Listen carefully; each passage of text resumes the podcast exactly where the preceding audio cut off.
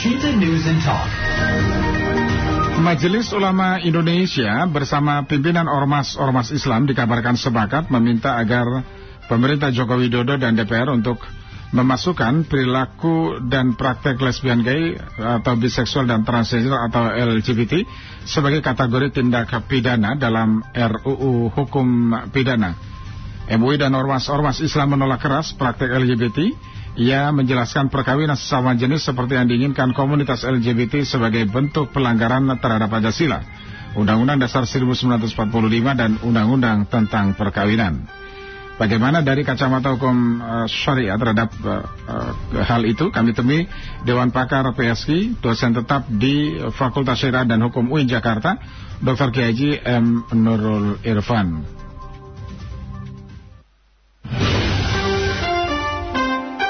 Elshinta News and Talk. Selamat pagi, Assalamualaikum Pak Nurul Irfan. Halo Pak Nurul Irfan.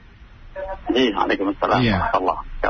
Baik, Pak Nurul Ilfan, bagaimana Anda merespon ya eh, kesepakatan yang dilakukan oleh MUI dan ormas-ormas Islam, eh, ormas-ormas Islam yang meminta agar uh, perilaku LGBT ini, perilaku LGBT ini uh, di uh, apa dimasukkan dalam RUU uh, KUH pidana?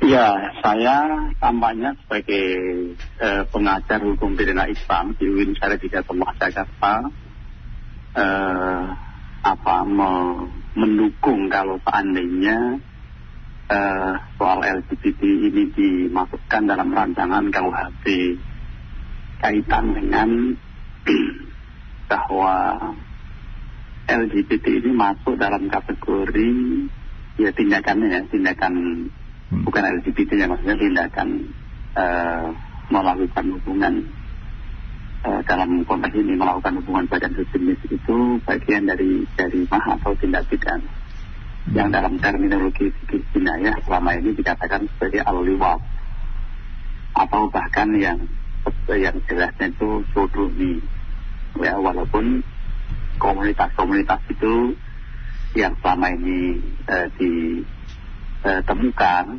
uh, itu uh, tidak atau bukan sebagai apa namanya jelas-jelas uh, menjalankan, tapi kan memang itu tentunya di tempat tertutup ya bahwa LGBT ini uh, sebagian perilakunya merupakan jarimah karenanya merupakan jarimah itu tidak pidana karenanya akan sangat baik kalau kemudian diusulkan uh, dan saya mendukung seandainya ada upaya untuk uh, memasukkan perilaku seksual yang menyimpang ini dalam rancangan KUH uh, pidana. Uh, selama ini tampaknya belum, ya, uh, baik yang apa ya tampaknya dalam KUHP memang yang juga uh, KUHP yang itu sudah masuk prolegnas berulang kali tapi belum juga disahkan teramat alot ya soal ini. Karenanya seandainya ini ada upaya untuk itu ya uh, ini akan sangat sangat baik karena uh, perspektif Al-Quran itu memang betul-betul uh, apa wajib menjauhi ini. Ada disebutkan atatuna zukrona syahwatan min dunin nisa. Kalian me, me, melaksanakan me, menyelesaikan hak seksualnya sesama uh, jenis bukan uh, bukan dengan wanita itu menyebabkan ya uh, disebutkan secara konkret dalam Al-Quran karenanya uh, sangat bagus uh, upaya untuk apa memasukkan klausul ini. Begitu Mas Rio, saya pendapat Iya, iya, oke. Okay.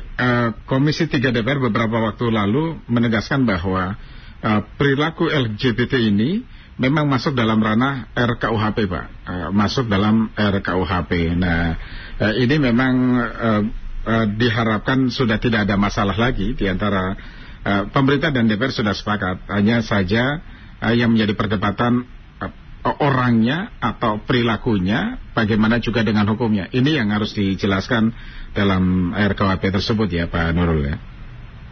Iya tentunya betul ya. Jadi uh, apa uh, lil wasail ya ada kaidah itu bahwa uh, kaitan dengan tindak pidana itu kan kemudian hubungannya dengan unsur-unsur dengan uh, perilaku atau dengan komunitas. Artinya eh, sebetulnya yang dihukum atau yang diberikan sanksi itu ya pelaku pelaku tindak pidana. Kalau tidak melakukan ya ya tentu tidak. Nah inilah.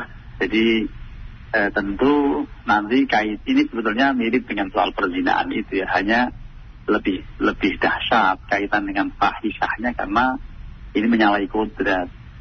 Sehingga jelas-jelas yang eh, perlu dihukum diberikan sanksi ya perilakunya tindak pidananya. Hanya kemudian apakah eh, apa secara keseluruhan eh, perilaku komunitas ini ini perlu dimasukkan. Nah, ini yang perlu disepakati, perlu dibahas, ya katakan oleh para tokoh, oleh para ahli dalam hal ini. Uh, jadi kalau uh, perspektif ulama biasanya kaitan dengan sesuatu yang me, apa yang akan mendukung pada satu kejadian itu ada istilah satu dari hmm uh, untuk mencegah suatu perilaku yang memungkinkan terjadi maka perlu diantisipasi sedini mungkin sehingga yang jelas bisa dihukum itu pelakunya tetapi kan pelaku itu ada dalam komunitas kalau kemudian uh, komunitas ini dikatakan dilegitimasi ini yang uh, menjual membuat peluang itu muncul gitu ya hmm. Nah, nanti perlu ada kesepakatan yang dimasukkan itu apakah komunitasnya atau perilakunya ini kalau hanya sekedar perilaku uh, tanpa kemudian komunitas yang menjadi masalah. Artinya yeah. ya uh, itu tadi jadi apa ada istilah satu dari A itu semumpung uh, apa belum terjadi maka diantisipasi sedini mungkin.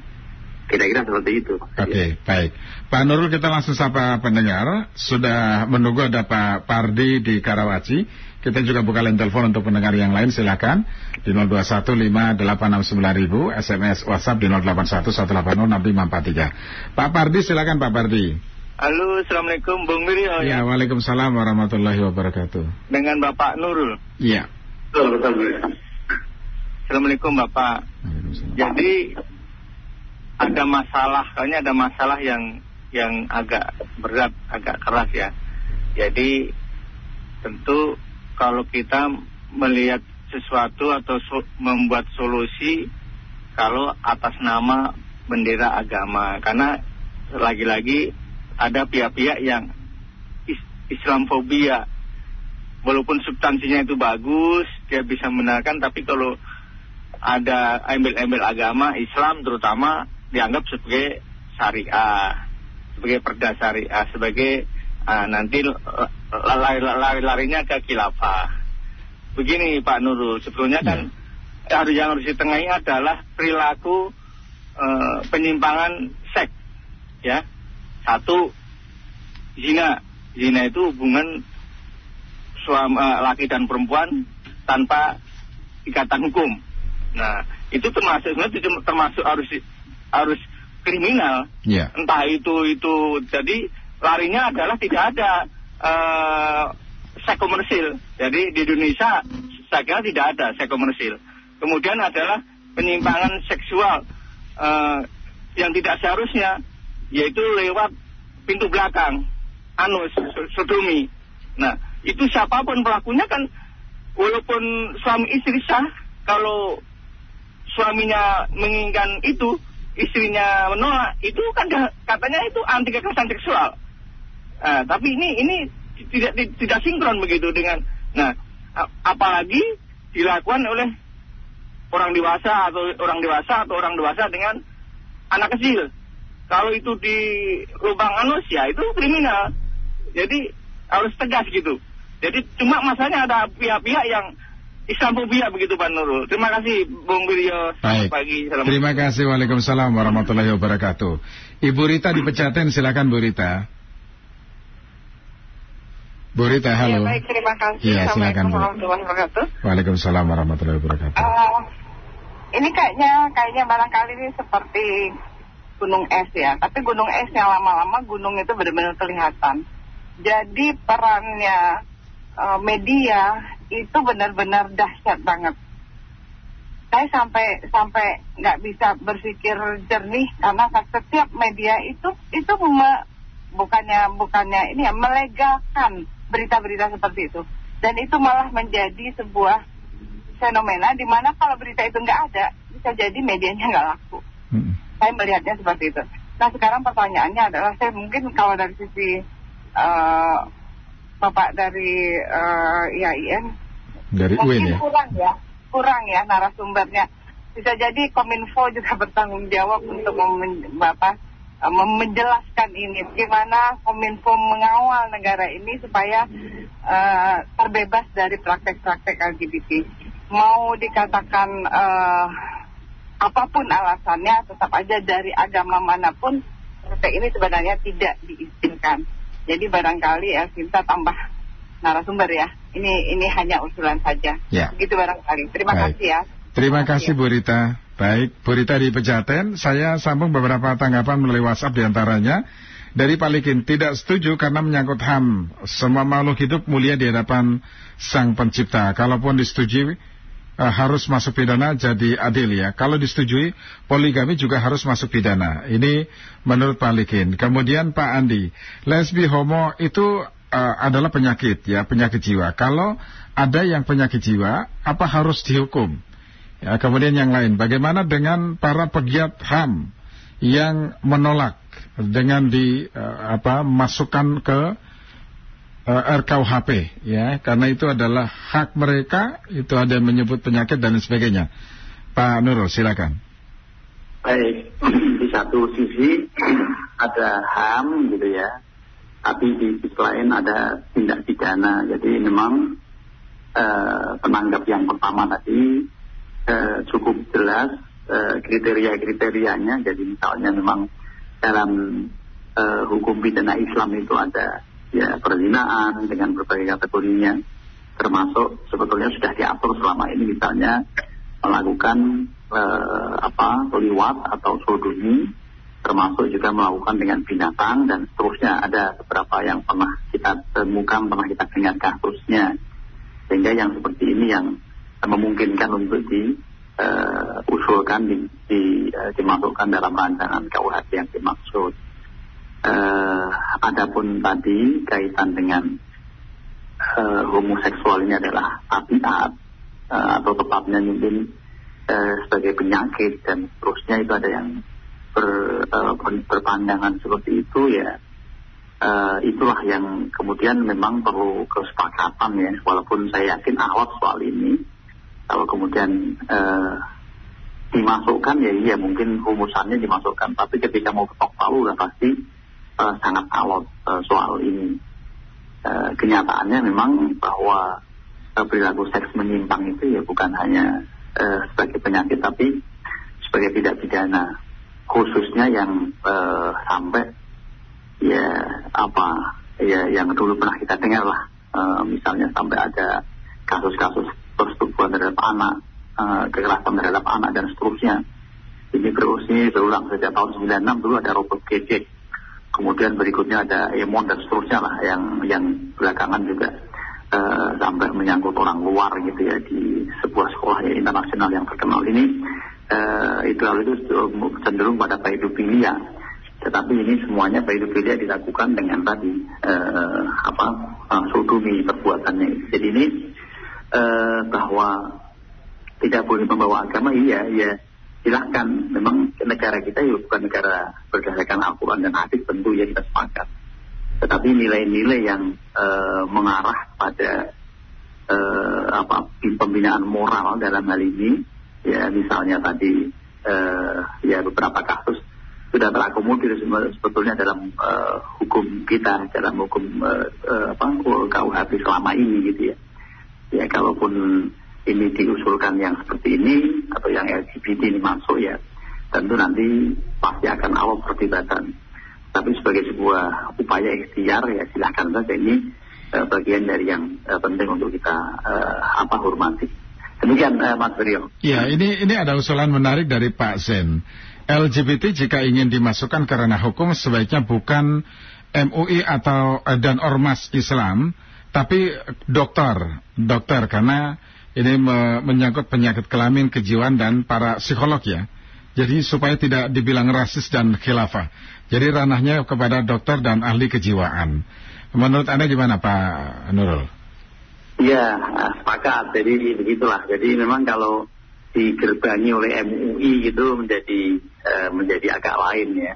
Dan seakan-akan hanya unsur agama yang masuk padahal sih ada unsur lain ya, ada unsur tidak pidana, ada moral dan macam-macam. Nah karenanya kalau ada usulan begitu oleh uh, dokter Indonesia, ikatan dokter Indonesia, kemudian uh, pihak-pihak medis semuanya mendukung ya, ya tentu bersama-sama. Tetapi uh, usulan ini sangat sangat uh, boleh kita pertimbangkan ya. Ya. Bagus uh, artinya begitu. Oke, okay.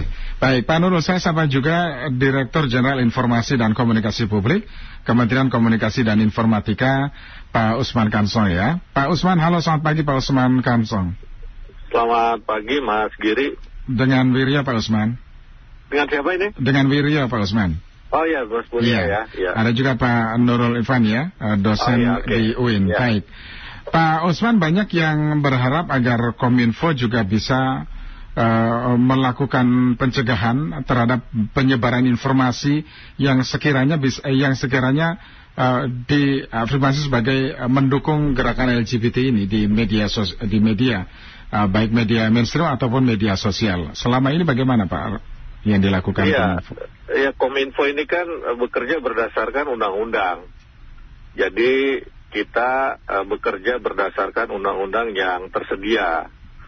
Ya misalnya undang-undang pornografi, undang-undang anti perjudian, kemudian undang-undang ITE. Nah, itu itu satu dulu ya. Yang kedua, tugas Kominfo ini uh, yang pertama-tama adalah berkaitan dengan konten.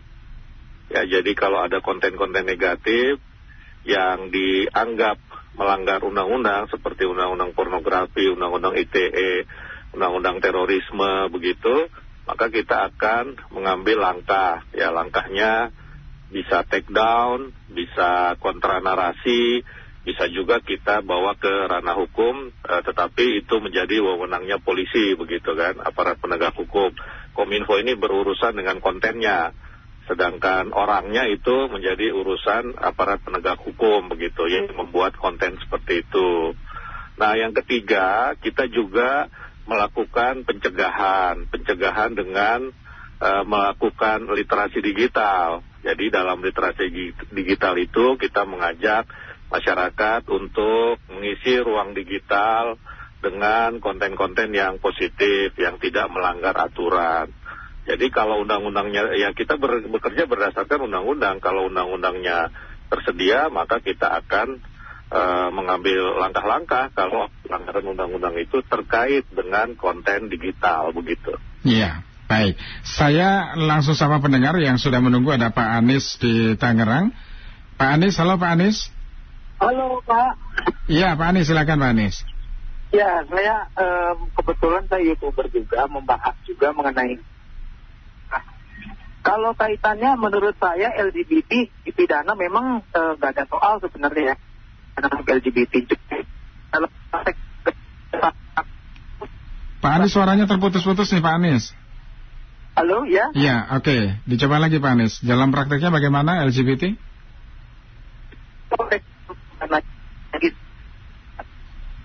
Pak Anies, suaranya masih terputus-putus. Saya putus dulu, nanti masuk lagi Pak Anies, nggak apa-apa ya. Saya mau maaf, saya putus dulu. Nanti masuk lagi Pak Anies setelah ini. Pada Pak Zul di Pintaro, Pak Zul, silakan Pak Zul. Halo, selamat siang Pak. Iya, silakan Pak Zul. Iya, tanggap yang tadi. Uh, yang, yang perlu ditambah lagi narasumber uh, dari sisi agama, jangan jangan yang Muslim aja, uh, Pak. Kalau bisa dari, hmm. udah kalau Muslim ya udah pasti menolak lah gitu kira-kira hmm. gambaran besarnya. Tapi ayo uh, undang dari uh, pemuka agama yang lain, saya kira juga punya pendapat yang sama saya kira dengan di sisi lain uh, undang dokter juga yang ahli apakah dipertanyakan apakah bisa sembuh nggak sih sebenarnya kalau kalau dari sisi medis gitu ya kalau itu harus disembuhkan nah kedua eh, yang ketiga uh, selama ini tidak asal jangan minta legal gitu selama ini kan mereka juga udah ada dari zaman dahulu pun yeah. namanya penyimpangan sudah ada sebenarnya. Cuma bermasalah orang menolak ketika minta dilegalkan. Selama selama itu penyakit ya sudah kita kita uh, paham itu penyakit ya sudah uh, ada ada usaha untuk menyembuhkan, ada arah untuk uh, bagaimana supaya tidak menyimpang lagi. Ya. Tapi kalau ketika Bukan minta untuk dilegalkan ya. Iya, dan Oke. komunitas itu minta di, diresmikan, Iya. diiakan dan dibiarkan ya itu yang jadi marah orang-orang semuanya kan dari. Oke. Ah, kira-kira gitu pak. Baik, terima kasih Pak Zul. Saya ke Pak Anies lagi di Tangerang. Tadi terputus ya. Pak Anies, halo Pak Anies. Halo Pak, Ya, oke. Silakan Pak Anies. kelas ya suara saya ya. Ya, ya. Ya, kaitannya LGBT dipidana sebenarnya saya tidak ada soal Pak, itu setuju saja. Cuman prakteknya agak kesulitan, gitu Pak. Karena kalau dia berbeda jenis, kan mudah saja misal eh, ketangkap gitu satu kamar berbeda jenis kan gampang. Tapi kalau sesama jenis kan agak kesulitan. Jadi mungkin itu Pak, tanggapan saya sih. Mm-mm. Oke, baik. prakteknya akan kesulitan eh, LGBT untuk dipidana itu. Tapi kalau yang berbeda jenis ya macam eh, dia LGBT tidak bisa dipidana, tapi perilakunya ya. Perilakunya itu jelas ya. Orang yang... Dalam prakteknya sulit Pak. Eh, bagaimana kita mau tahu dia dia LGBT contoh perempuan dengan perempuan satu kamar. Itu kan biasa saja kan, kecuali dia tertangkap basah sedang melakukan hubungan kan, Mm-mm. akan kesulitan Ya, kita dalam ya. Hmm. Ya, oke. Paham. Terima kasih Pak Anies ya di Tangerang. Nah, sebelum se- saya ke Pak Usman, saya ke Pak Nurul dulu, Pak Nurul Arifin. Bagaimana merespon uh, sejumlah uh, apa uh, gagasan atau pandangan dari pendengar tadi Pak Nurul Pak Iya. Nurul Arifin? Baik. Jadi memang yang yang yang terakhir itu cukup eh, apa menjadi PR kita ya karena eh, dari sisi pembuktian. Jangankan yang sesama jenis, yang beda jenis saja sebetulnya dalam hukum pidana Islam itu juga tidak sembarangan. Eh, dalam sejarah eh, apa secara hukum pidana Islam itu tidak pernah ada orang dihukum akibat zina dengan kesaksian orang lain. Mm-mm. Satu orang pun tidak pernah ada yang dihukum akibat disaksikan oleh orang lain.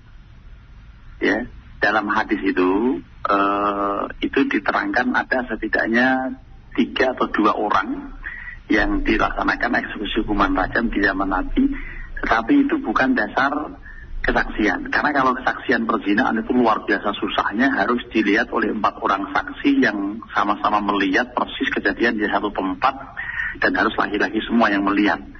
Ini kan ham- ya tidak mungkin, hampir tidak mungkin karena memang juga dalam fak- faktanya tidak. Apalagi eh, yang misalnya tadi yang sejenis itu susah luar biasa. Eh, orang gimana orang tahu bahwa kemudian dalam kamar berdua itu melakukan kontak seksual? Ya mungkin diskusi mungkin apa kan yang ngerti. Eh, apalagi yang eh, sesama jenis yang lain beda jenis saja. Nah, mungkin karenanya eh, kalau soal pembuktian ini memang teramat sulit dan karenanya kita menjadi ingat bahwa tidak pernah ada kasus satupun perzinaan yang dihukum akibat kesaksian orang lain. Adanya pengakuan. Jadi orang itu mengaku betul-betul bermerasa bersalah kepada Nabi dan kemudian eh, Nabi rekomendasikan untuk dijatuhi sanksi. Tapi dalam oh, riwayat-riwayat itu kemudian ada satu orang yang namanya Ma'is bin Malik itu pelaku zina dan eh, di tengah-tengah eksekusi rajam itu dia berontak lari dan seterusnya lainnya ada ada hadis-hadis yang uh, cukup panjang uriannya. Nah, oleh karenanya eh ya masuk dalam rumusan tetapi dalam tataran eksekusi dalam tataran pembuktian udah pasti sulit. Tetapi setidaknya kalau masuk dulu kan nanti kemudian eh, apa proses berikutnya dalam dalam rangka penyidikan penyelidikan nanti eh, atau menyusul ininya ya tetapi begini memang kalau kaitan dengan soal eh, LGBT kemudian ini dianggap sebagai satu penyakit atau penyimpangan itu eh, kayak kita bisa hubungkan dengan soal hukum nikah ya. Hukum nikah itu ada wajib ada sunnah ada makruh ada mubah dan ada haram. Jadi ada orang yang dinyatakan haram nikah kalau misalnya memang tidak ada ketertarikan dengan sesama jenis. Eh dengan apa? Dengan lain jenis. Apakah kemudian itu menjadi eh, celah untuk dibolehkan? Tentu ini tidak seorang ulama pun yang menyatakan begitu. Akibat orang ini haram nikah karena nggak ada ketertarikan dengan selain jenis lalu diizinkan main nikah jenis yang nggak ada. Nggak ada rekomendasi untuk itu. Nah itulah. Jadi ini memang sesuatu yang eh, cukup pelik ya. Eh, karenanya tidak sederhana. Ya pasti akan akan berkepanjangan diskusinya itu dan Ya. Penuh dengan ilmu gitu ya. Terima Oke. kasih Mas Surya. Baik, terakhir ke Pak Usman. Pak Usman, eh, kita tahu bahwa gerakan LGBT ini kan secara global mereka punya komunitas sendiri dan di di- di Indonesia juga mereka berkampanye juga, ya.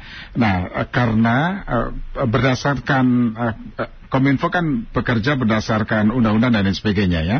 Nah, ketika belum ada dasar undang-undangnya misalnya, apakah konten LGBT ini tetap dibiarkan di ranah internet atau media sosial atau apa nih Pak, Pak Usman sebagai upaya pencegahan nih Pak Usman pencegahan dari Iya. eh, kampanye ya, jadi, itu? Ya, jadi saya sampaikan yang nomor tiga tadi soal literasi digital, yaitu adalah eh, sebuah upaya pencegahan.